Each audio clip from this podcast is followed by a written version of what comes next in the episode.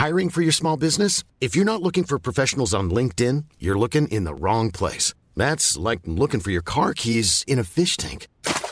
LinkedIn helps you hire professionals you can't find anywhere else, even those who aren't actively searching for a new job but might be open to the perfect role. In a given month, over 70% of LinkedIn users don't even visit other leading job sites. So start looking in the right place. With LinkedIn, you can hire professionals like a professional. Post your free job on linkedin.com slash people today.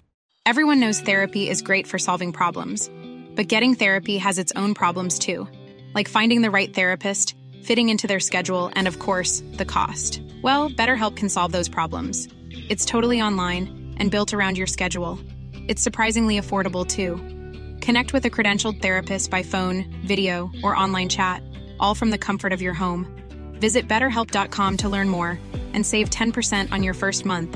That's BetterHelp H E L P. Burrow's furniture is built for the way you live. From ensuring easy assembly and disassembly to honoring highly requested new colors for their award-winning seating, they always have their customers in mind. Their modular seating is made out of durable materials to last and grow with you. And with Burrow, you always get fast, free shipping. Get up to 60% off during Burrow's Memorial Day sale at burrow.com slash ACAST. That's burrow.com slash ACAST. burrow.com slash ACAST.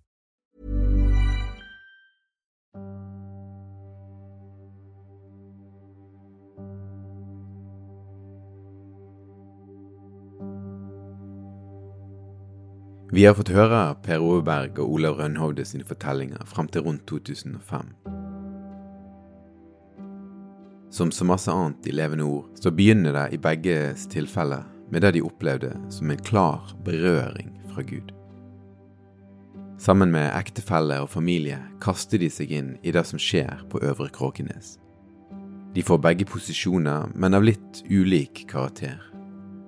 Mens Per Ove Berg blir medpastor og er fast gjest på det berømte VIP-rommet, så har ikke Olav den statusen. Ikke i den sammenhengen, i hvert fall. I årene som leder opp til krisen i 2006, så kjenner de begge på at noe ikke er som det skal være. Men de snakker ikke sammen om det de kjenner på, ikke før nokså nært opp til at krisen kommer til overflaten. Men i dag utgjør de lederduoen i Kredo-kirken, som menigheten skifter navn til i 2009. Per Ove Berg er misjonsleder mens Olav Rønhovne har tatt over Enevald Flåtens tittel som hovedpastor. Hva gjorde at de ble værende? Hvordan tenker de om levende ord i dag? Og ikke minst, hva tenker de om sin egen rolle i det hele? I denne episoden så snakker vi om kriseåret 2005 til 2006, sett fra Olav og Per Ove sin vinkel. Og det er en dramatisk historie der vi får komme inn i noen av rom som ingen andre har fått komme inn i før. Du lytter til en bonusserie av podkasten Levende ords vekst og fall. Dette er tredje episode. Aske og glør.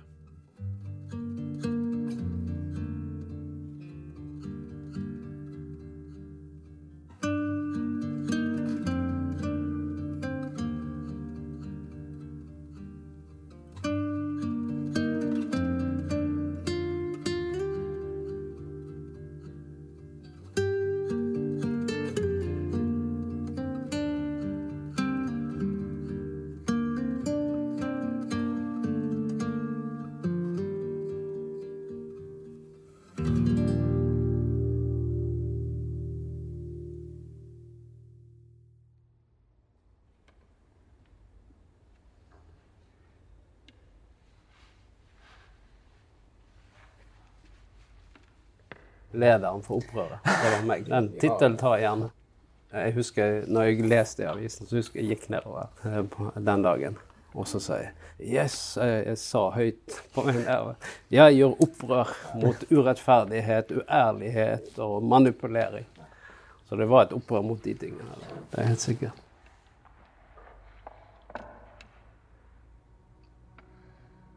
Du husker kanskje hvor vi sitter når vi gjør dette intervjuet her. På møterommet i Kredokirken. Rommet som utgjorde Enevald Flåtens hjørnekontor i Levende Ords glansdager. Jeg har fått høre om tida fram til 2005, og etter en liten beinstrekk så setter vi oss ned igjen.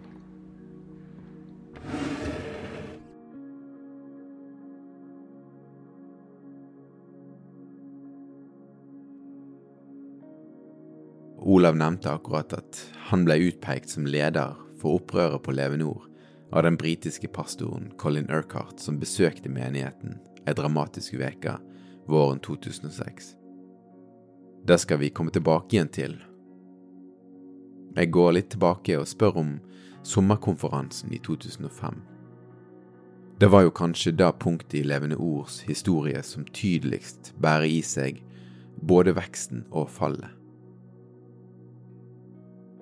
Mens Norges politikerelite var samla i møtesalen, der det var både bønn, lovsang og debatt, gikk toppledere i menigheten med en voksende uro på innsida. Verken Olav eller Per Ove husker så masse fra denne konferansen.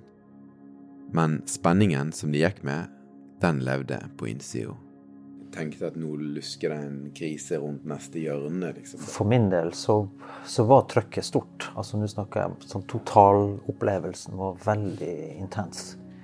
Sånn at jeg har ingen minner fra den konferansen, bortsett fra akkurat den eh, frekvensen med den samlingen på konferanserommet, og at vi sitter der, og det panelet og sånn. Det er liksom Ellers så husker jeg ingenting. Nei, ikke sånn Eh, detaljer. Altså. Det gjør jeg ikke. Men det, ikke, det er jo riktig. altså sånn, sånn, Det var ikke noe sånn at en der og da forventa at det her kommer til å ryke nå.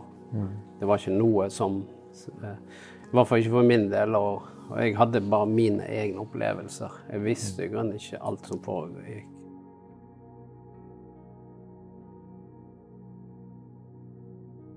Hvis vi går videre fra den sommerkonferansen da, og uh, utover høsten Det er jo den høsten, kanskje, at, våre, at ungdomslederne begynner å snakke ikke sant? om de tanker og følelser de har, og hvordan de opplever det.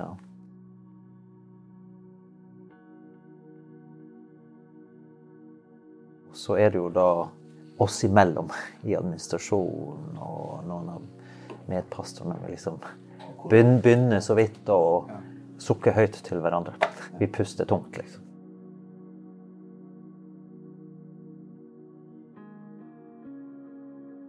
Vi er nå på høsten 2005. Du hører Per Ove snakke om at ungdomslederen hadde begynt å si fra. Det er en misnøye som kommer til overflaten denne høsten. Jeg husker at Andreas Gravdal, som var en av de to ungdomslederne som slutta før jul dette året, sa at de plutselig åpnet seg opp for hverandre. Det var sånn det starta for deres del. Og nå hører jeg egentlig litt av det samme hos Olav og Per Ove. Hva var det som kom? Nei, Det var konkrete opplevelser. Altså, men det, det, er summen av mange opplevelser hvor mange blir øh, dårlige. ikke sant? Ja. Og hvor ting ikke stemmer. Altså ord, handling, gjenfortelling. Alt det her begynner å Det blir sprik. Du får, du får en tillitsutfordring. Ja. Og dette begynner en å snakke ganske åpent om. Ja, at det, hva er det som pågår her nå?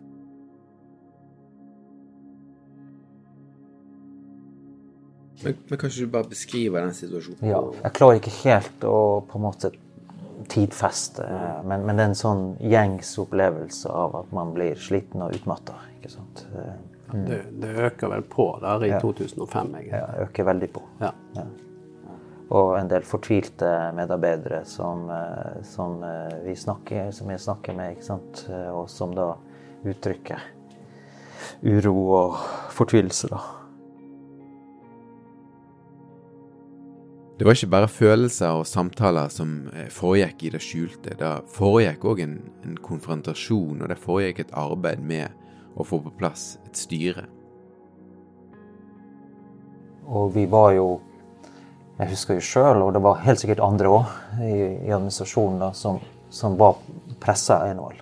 Altså, jeg husker personlig at jeg måtte satt ned ved han og, og pressa han i seg. At vi er nødt til å få på plass et ordentlig fungerende formelt styre som kan håndtere den økonomien og, og alle sykemeldinger Altså hele den situasjonen som vi begynner å se konturene av. Og det, det, det, kom jo på plass, og det var jo mange som, som sa det samme. Det, for å håndtere dette her, så må vi, må vi ha ordentlig fungerende ting. Inntektene gikk ned. Hva som gjorde at økonomien gikk ned, egentlig? Nei, du, du vet, altså Det er jo sånn at hvis folk begynner å merke at her er noe som ikke er helt til stemme, og man begynner å ryste litt i tilliten, slutter folk å gi. Så det er en sammenheng med at mange i menigheten begynner å merke en uro. Så jeg tror jeg tolker det på den måten. Og så er det at man kanskje har brukt for mye penger på et prosjekt f.eks. i Danmark som ikke lot seg gjennomføre. Så, det er mange sånne følger. Det er masse i fortellingen om levende ord som har satt seg på hjertet mitt i arbeidet med denne podkasten. Noe av det er de mange menneskene som bare forsvant ut, tilsynelatende uten at noen la merke til det, eller spurte etter dem. Det gjelder òg noen av de ansatte i menigheten. Noen forsvant i nedskjæringer, andre ble bare sykemeldt og kom aldri tilbake. Jeg spør Olav om akkurat det, som altså òg skjedde i tida før krisen var en realitet. Og da sier han noe som jeg syns er interessant. Var det sånn at folk hadde ansatte kanskje, og andre hadde forsvunnet litt ut og før? Ja, så, eksempelet med meg, da, er jo det at eh, det kunne vært min reise i 2004. At jeg reagerte på ting, sa ifra, og så bare forsvant ut. Og så var min historie her avslutta uten egentlig at noen forsto hvorfor. Det var vel flere sånne eksempel på det, da hva som gjorde at det ikke For det var jo flere altså, solide ledere med posisjon. Hva som gjorde at ikke man liksom tok tak i disse folkene? Som misjonsleder da, så hadde jeg ansvar for mitt, mitt område. Om noen slutta på medieavdelingen, ja. så var, var, det ikke sånn at alle hadde, altså, hadde en prosess på det. Det var jo internt i den, da. For vi var såpass mange. Sånn at, og jeg eh, hadde ikke noe interesse av å springe rundt og finne ut av det heller. Sånn at eh, det, Så det, var jo sånn at ofte så fikk ikke Hadde ikke noen informasjon om at eh, det var pga. det og det og det. Og det var jo derfor at når vi nå i 2006 ser at nå må vi faktisk snakke sammen og det begynte jo i desember, husker jeg vi satt og prata, noen av lederne her, at eh, når Enva nå kommer tilbake igjen, da må vi sitte ned og så må vi ha disse tydelige, vanskelige samtalene. Fordi at nå er det så mye som koker her. Sykemeldinger, økonomi og ting som vi lurer på. Så det var jo det på en måte som starta i 2006. Når han kom tilbake igjen, så begynte vi disse samtalene.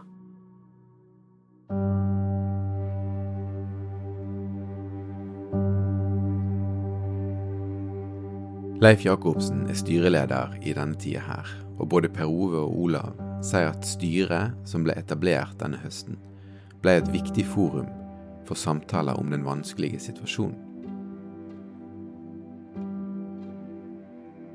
Men nå bikker vi over til januar 2006.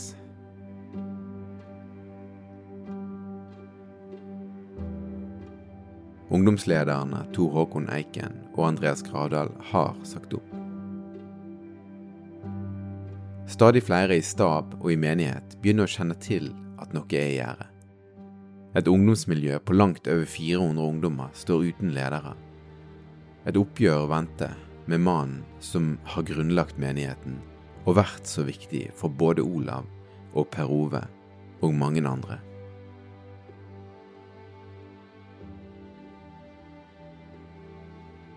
Så, eh, men, så når vi da kom til 2000, januar 2006, så så er det jo sånn at for min del òg så kjenner jeg jo på dette her at en, at en har lyst til å bare slutte å, å finne på noe annet. Man opplever veldig sånn konkret eh, Herrens eh, røst som, som, taler til meg. Og så sier han eh, stå, stå for sannheten og rygge ikke en meter, hører jeg Herren si. Jeg skjønte ikke så mye av det, men jeg forsto jo at det betyr at du ikke skal gå noen plass, du skal bare være her. Og eh, litt utover januar der det var kaos, vi visste egentlig ikke hva vi skulle gjøre var mye prat og, og, saker og ting. Så husker jeg at vi, vi fikk eh, en salme da, som kom til oss i salme 125. Eh, på den tida så skjønte ikke jeg at, eh, at eh, det her ble på en måte sånn en eh, rettesnor for hvordan dette her kom til å se ut framover. Så Men det står jo sånn at eh, de som stoler på Herren, er som Sions berg, som ikke kan rokkes, men står for evig.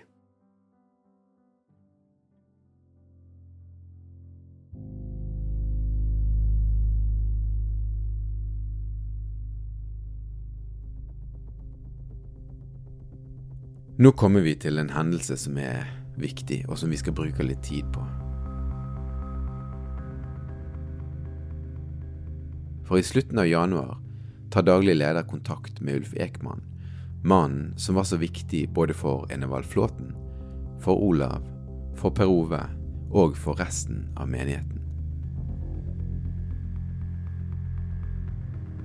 Og dette møtet som kommer nå, det har vi nevnt før, og vi har snakket litt om det, men nå tar Olav og Per Ove oss med på innsida og her syns jeg vi skal ta oss litt tid til, å lytte til hva de forteller om dette dramatiske møtet.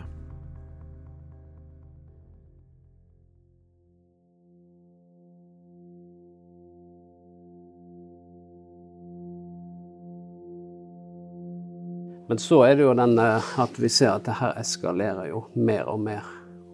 Og det er jo da at daglig leder tar kontakt med Ulf Ekman i slutten av januar. Og uh, Ulf Ekman uh, skjønner at det, det, her er viktig, du må dra nå. Så han kommer over, og han uh, sier det at jeg vil snakke med lederne først, sier han. Og så vi møtes på et hotell vår på Kokstad. Vi er vel, jeg tror vi er seks ledere som møter meg og Per Ove der, pluss flere andre. Og så husker jeg det var sånn rar stemning i rommet.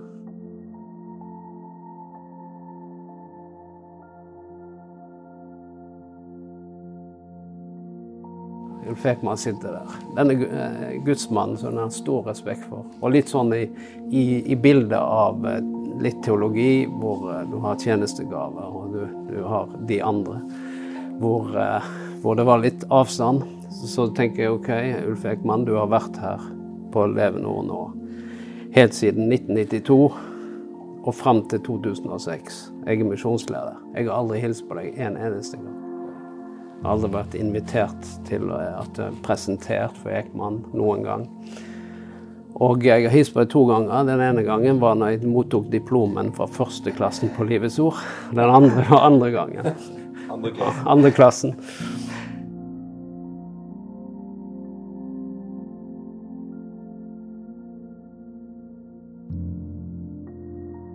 Så, eh, så, da sitter vi jo der. Eh, og så sitter vi egentlig bare og skuler på hverandre. Liksom. Vi tenker kan vi stole på han som sitter der? Eh, eller kan vi ikke? Så vi sitter der. Er ingen som egentlig sier noe som helst sånn skikkelig. Det er sånn rar stemning i rommet. Helt Ulf Ekman sier. Kjære brødre, at uh, dere kan slappe av. Jeg er ikke kommet her for noe annet enn at uh, jeg vil høre hva, hvordan det egentlig er. Så. For jeg har også mine uh, spørsmålstegn, sa han. så, så, tok vi en liten pause, og så sa han ja, nå si det akkurat sånn som dere føler. Og da var det som om proppen gikk ut av oss. Og så bare prata vi. Og han tror jeg var ganske sjokkert òg over ting som skjedde i rommet hvor folk hadde sammenbrudd mens vi satt der. Det var, for det var på en måte endelig er det, Nå kan vi slappe av og si det som det er. Eh, det var veldig spesielt. Det var det.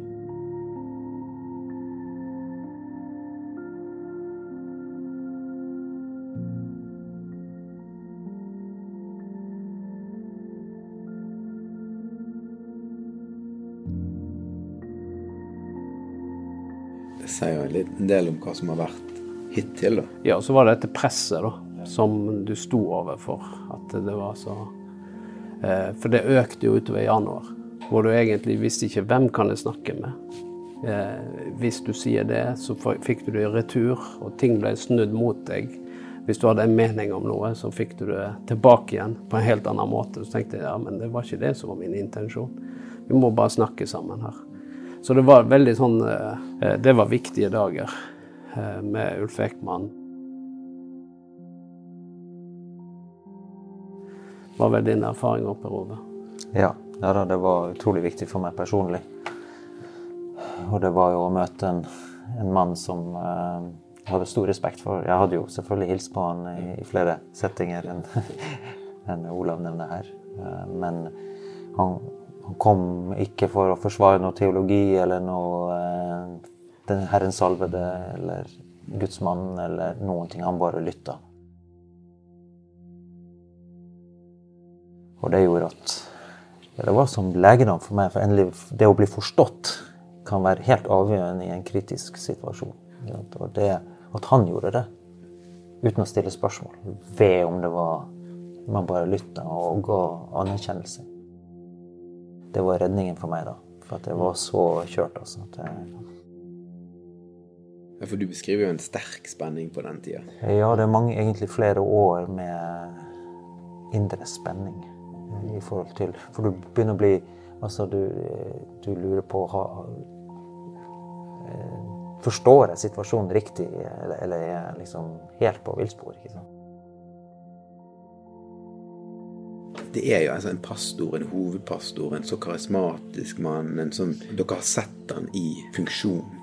Altså, det må jo ha vært vanskelig å, å innstille seg på at kanskje det var noe grunnleggende galt jeg vil jo si at, eh, at, eh, akkurat det, at det var noe som ikke stemte, det tror jeg var, var liksom det her det er et eller annet, men vi visste ikke helt hva.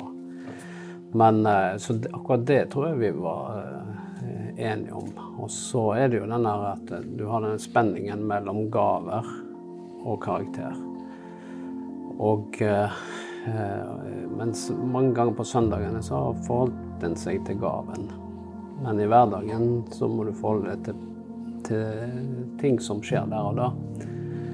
Og det var jo kanskje det som, eh, som, vi møtte på mer og mer, og flere av medarbeiderne. At uh, en ting var søndag, en annen ting var mandag. Og det var det som òg kom, kom, Vi var nødt til å snakke om da, utover eh, våren 2006, og som eh, Ulf Ekman var veldig åpen og tydelig på.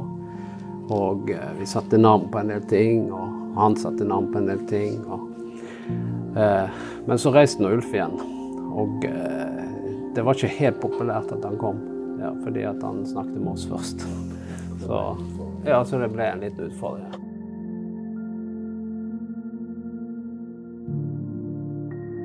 Det utvikler seg en slags stillingskrig i lederskapet nå. Frontene skal bli klarere etter hvert men konturene er synlige allerede. Og det er så mange punkt denne våren her som vi kunne stansa opp ved. Oslo-pastoren Åge Åleskjær kommer, noe Olav setter spesielt stor pris på, siden de to har en nær relasjon fra før. Men òg han drar igjen uten at så masse er annerledes akkurat da. Olav og Per Ove forteller at det dukker opp ting i styret og i behandlingen av krisa som gjør at de kjenner på at det blir stadig vanskeligere å se for seg at en skal kunne komme tilbake til normalen. Det vokser fram en erkjennelse av at kanskje har det nå gått for langt. Og jeg tror at det møtet som ble spikeren i kista for dette her, var et møte som Enevald sjøl ønska.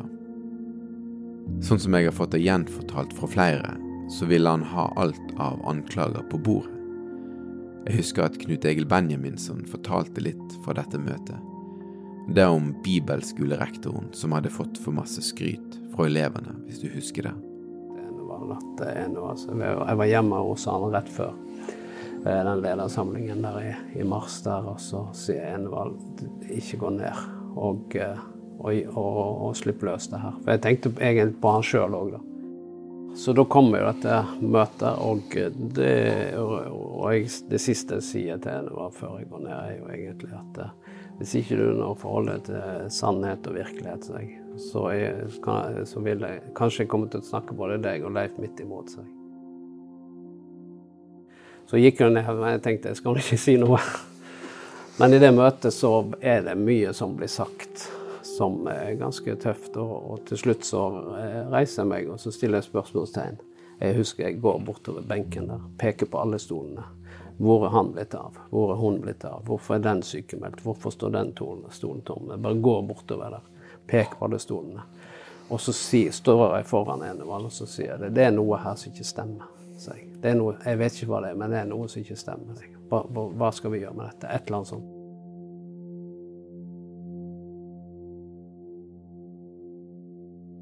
Så går jeg og setter meg, og så tenkte jeg nå har du virkelig eh, gjort det som du ikke skal gjøre. Som vi var en del av undervisningen. Du har nå stått opp og talt eh, imot pastoren her. Så jeg holdt på å gå gjennom gulvet der jeg satt der. Jeg hadde så ubehag. Jeg visste ikke hva jeg skulle gjøre av meg. Så da gikk jeg opp på kontoret, ringte Ulf Ekman. Og så sier jeg Ulf og forteller ham hva jeg akkurat har gjort. Og han gir meg full støtte. Og han sier det, det var helt riktig det du gjorde. Og sånn og sånn. Jeg trengte akkurat der noen å snakke med. Så, da, eh, så det ble veldig viktig for meg. Men det var denne eh, opplevelsen, fordi at du, du hadde dette bildet av disse gudstjenere, utvalgt, eh, salvet av Gud. Og plutselig nå så må, en, må vi liksom begynne å snakke opp imot disse. Og den ene etter den andre kommer sant, av disse her. Og alle må du snakke rett imot.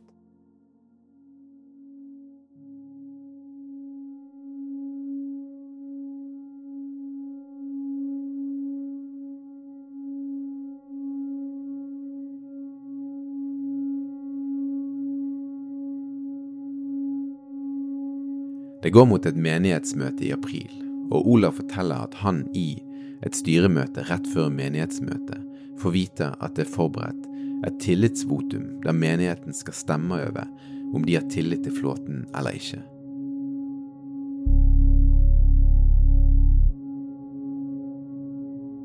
Og dette reagerer han på.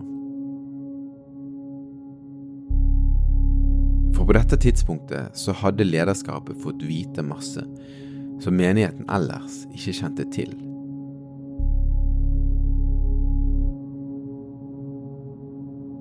For Olav så ble det feil at menigheten skulle stemme uten å få vite om det som han og andre hadde begynt å få vite og kjenne til om flåten og om situasjonen i menigheten.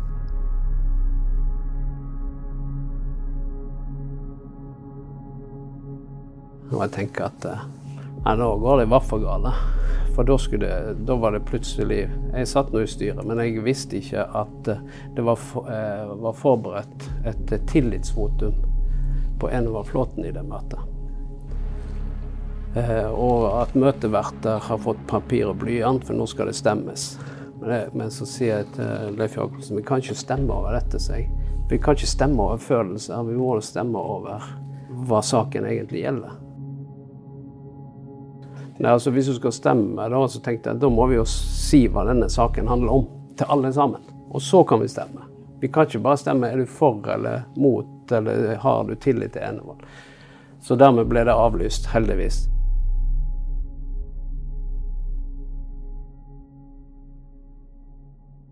Når vi snakker om dette her, så blir det veldig åpenbart for meg at dette punktet gjorde veldig inntrykk på Olav. Bare hør hvordan han beskriver det. Jeg husker det styremøtet der. Det før medlemsmøtet. For det var der egentlig valget falt at nei, vi, vi dropper det. Litt under eh, ganske hardt press, men i det rommet der føltes det som at nå står vi liksom ved helvetes port der. Jeg så at, at helvetes porter skal ikke få makt over Guds menighet, men akkurat sånn opplevde jeg det. Det var sånn trøkk i det rommet. Jeg vet ikke om jeg har vært borti noe lignende. Det var helt sånn der Du kjente det på kroppen. Og så, når det ble avgjort at det ikke ble, så ble jo bare det et menighetsmøte hvor eh, det ble litt informasjon og, og, litt sånn. Altså det ble ikke noe mer enn det. Så gikk alle hjem, og så fikk de vite litt til. Litt mer informasjon. Noe av det som jeg har vært nysgjerrig på, er når menigheten kom til et punkt der man bare ikke hadde sjans til å komme seg tilbake. Kanskje kan du si at det punktet er passert for lengst, fordi det som fikk menigheten til å krasje, hadde slått rot for flere måneder og kanskje flere år siden. Men det jeg lurer litt på, er når menigheten sine ledere kom til denne konklusjonen. For det er interessant, tenker jeg, som læring. Og jeg tror at eh, svaret er ulikt for de forskjellige lederne som jeg har snakka med, i hvert fall. Ungdomslederne tok hatten sin og gikk før jul, åpenbart fordi at de ikke lenger så en vei videre.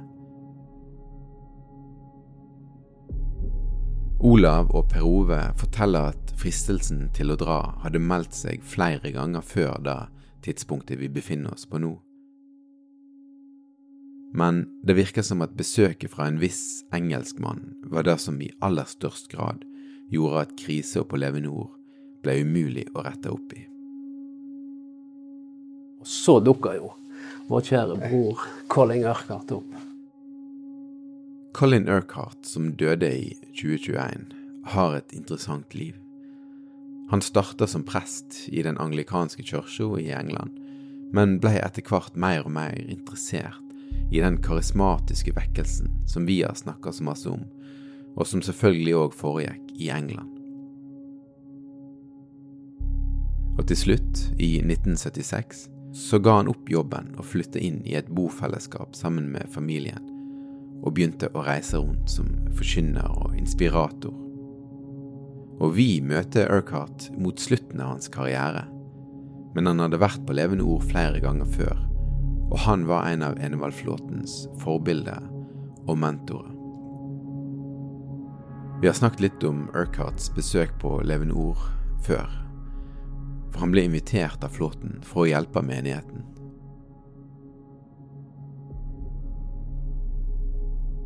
Han, han kom jo her, og så eh, Det var jo greit. Vi tenkte nå kommer det en til som skal, som skal hjelpe oss. Så når vi da så husker jeg han kommer, og så samler han alle sammen eh, på eh, konferanserommet. Ja, vi er sikkert to, tre, 24 stykker der, kanskje mer. Så sitter han eh, øverst ved bordet der, og så sier han det at Jeg ble litt sjokkert når jeg hørte han sa, for han sier det at ja, jeg, jeg kommet for å høre fra Gud i denne situasjonen. For slik som dere har det nå, så er ikke dere i stand til å høre fra Gud. Og jeg tenkte Jeg har aldri hørt så mye fra uh, instrukser fra Herren jeg noen gang som akkurat nå. Så jeg tenkte hva er dette for noe? tenkte jeg.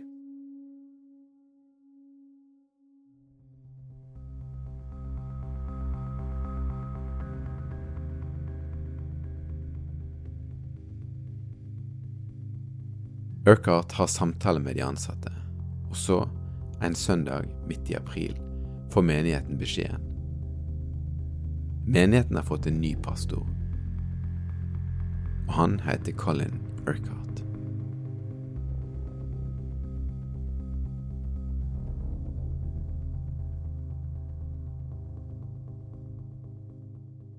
Og får beskjed fra plattformen at nå skal Colin Urquhart bli pastor i menigheten. Og jeg tenkte det går jo ikke.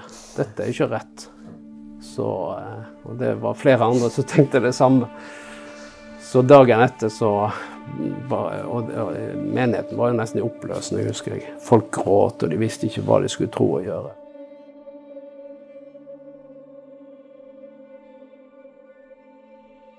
Og det som skjer nå, er litt spesielt.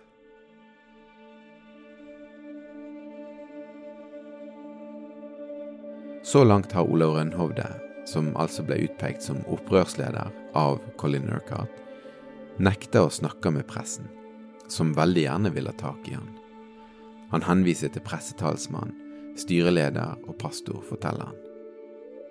Men mandagen etter denne søndagen der Colin Urquhart har talt første gang, så har staben vært samla, og de har sammenfatta sine innvendinger til Urquhart med ti spørsmål om det briten hadde sagt og gjort på søndagsmøtet dagen før. Og natta etterpå så skjer det noe som Olav husker veldig godt.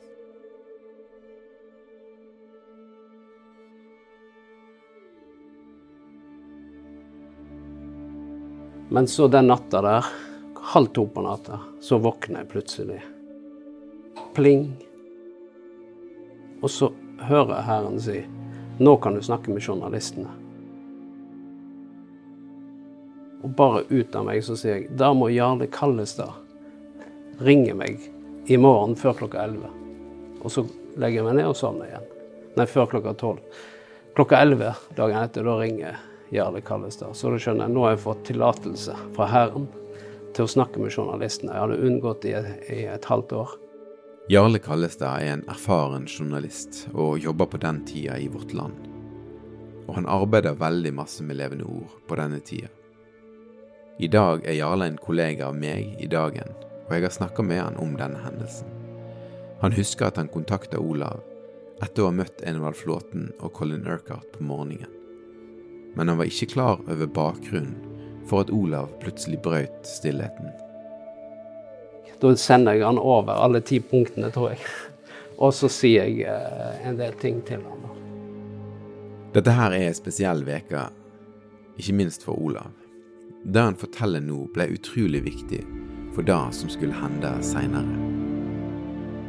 Neste dag på morgenen, det er en veldig spesiell uke det her for meg personlig, så sitter jeg på morgenen sånn som jeg gjør hver dag i, i, i bønnestolen. Og så plutselig så hører jeg den samme røsten som hadde vekket meg på natta, si du kommer til å lede dette arbeidet. Nei, sier jeg.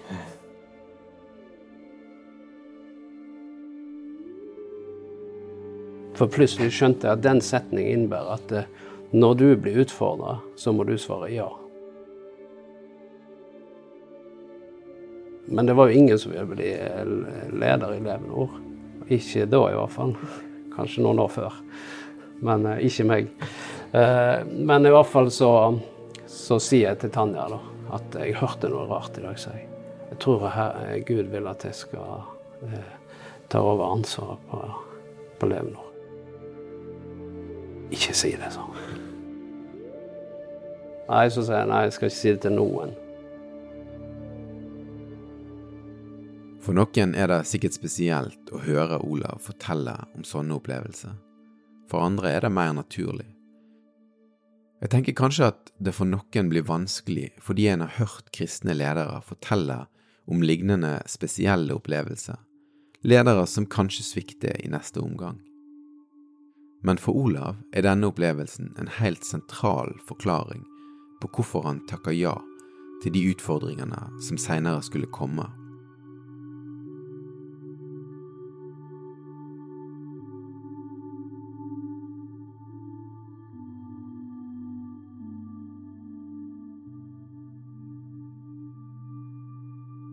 Helga etterpå, mens Colin Urquhart fortsatt er på levende ord, så drar Olav og Tanja på reise til Oslo for å feire bryllupsdag.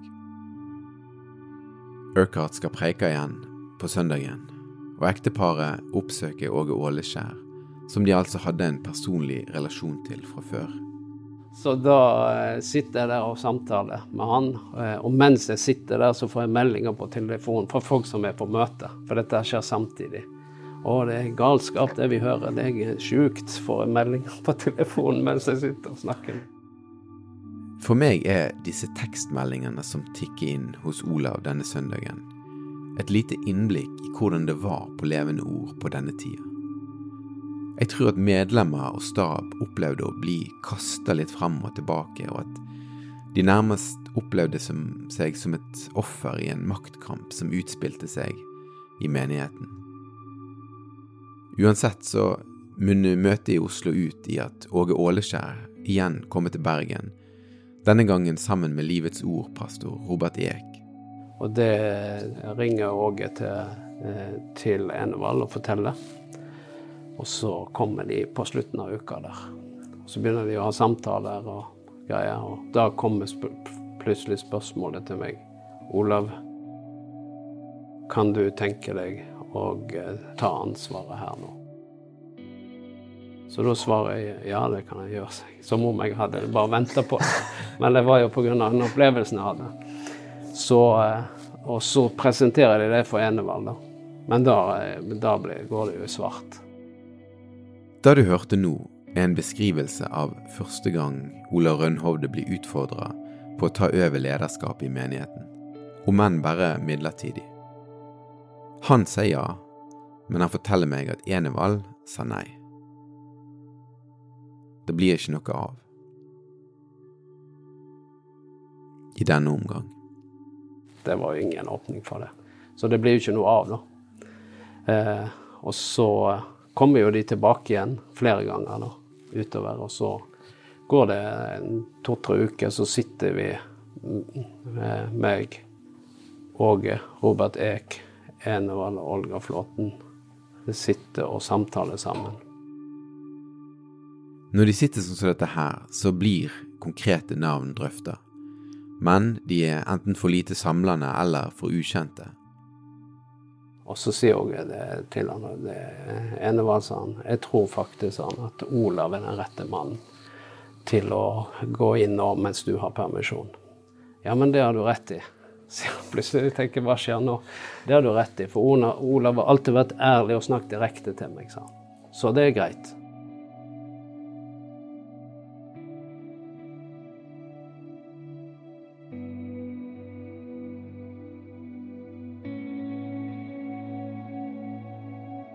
På dette tidspunktet i fortellingen er vi rett før det berømte 1. juni-møtet i 2006.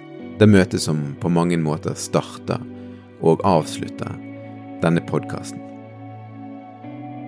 Det er i dette møtet at menigheten får presentert at Olav Rønhovde skal ta over midlertidig som pastor.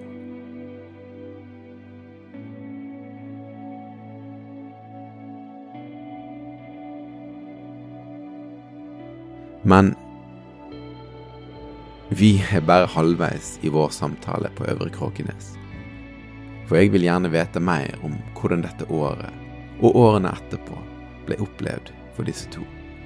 Hva man visste, hva man angrer på, hva man lærte, og hvordan noe kunne reise seg etter en så utrolig turbulent tid. Derfor er vi tilbake neste uke med mer fra min samtale med Per Ove Berg og Olav Rønhovde.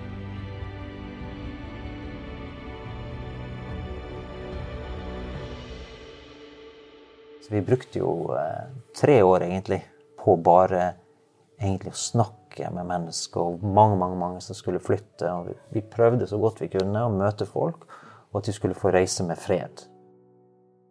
Få håndtert det de eh, spurt, lurte på eller følte eller hadde opplevd. ikke sant? Og det var mange, mange, som hadde, mange opplevelser som kommer fram i etterkant. Og jeg har hatt mange samtaler hvor jeg på vegne av menigheten. Også på vegne av en og har måttet bedt om tilgivelse. På vegne av meg sjøl. Fordi at eh, når du får høre historien og deres opplevelse, så skjønner du ja, men dette var ikke bra. Dette var galt.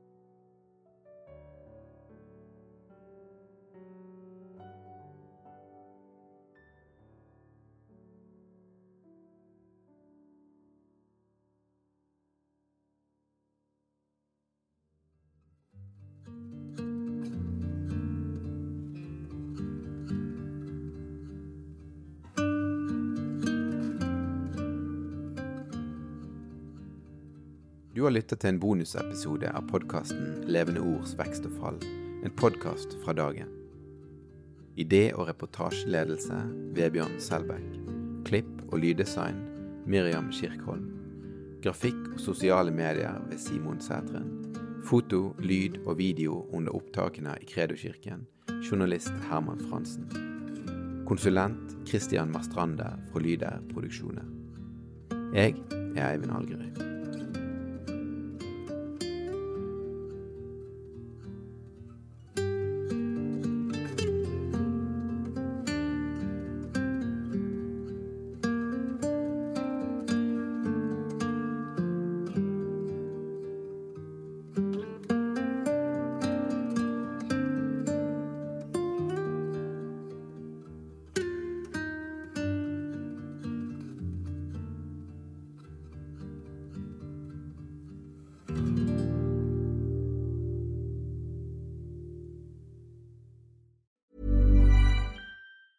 Planning for your next trip? Elevate your travel style with Quince. Quince has all the jet setting essentials you'll want for your next getaway, like European linen, premium luggage options, buttery soft Italian leather bags, and so much more. And is all priced at 50 to 80% less than similar brands. Plus, Quince only works with factories that use safe and ethical manufacturing practices. Pack your bags with high-quality essentials you'll be wearing for vacations to come with Quince. Go to quince.com/pack for free shipping and 365-day returns. When you make decisions for your company, you look for the no-brainers. If you have a lot of mailing to do, stamps.com is the ultimate no-brainer. Use the stamps.com mobile app to mail everything you need to keep your business running with up to 89% off USPS and UPS. Make the same no-brainer decision as over 1 million other businesses with stamps.com. Use code program for a special offer. That's stamps.com, code program.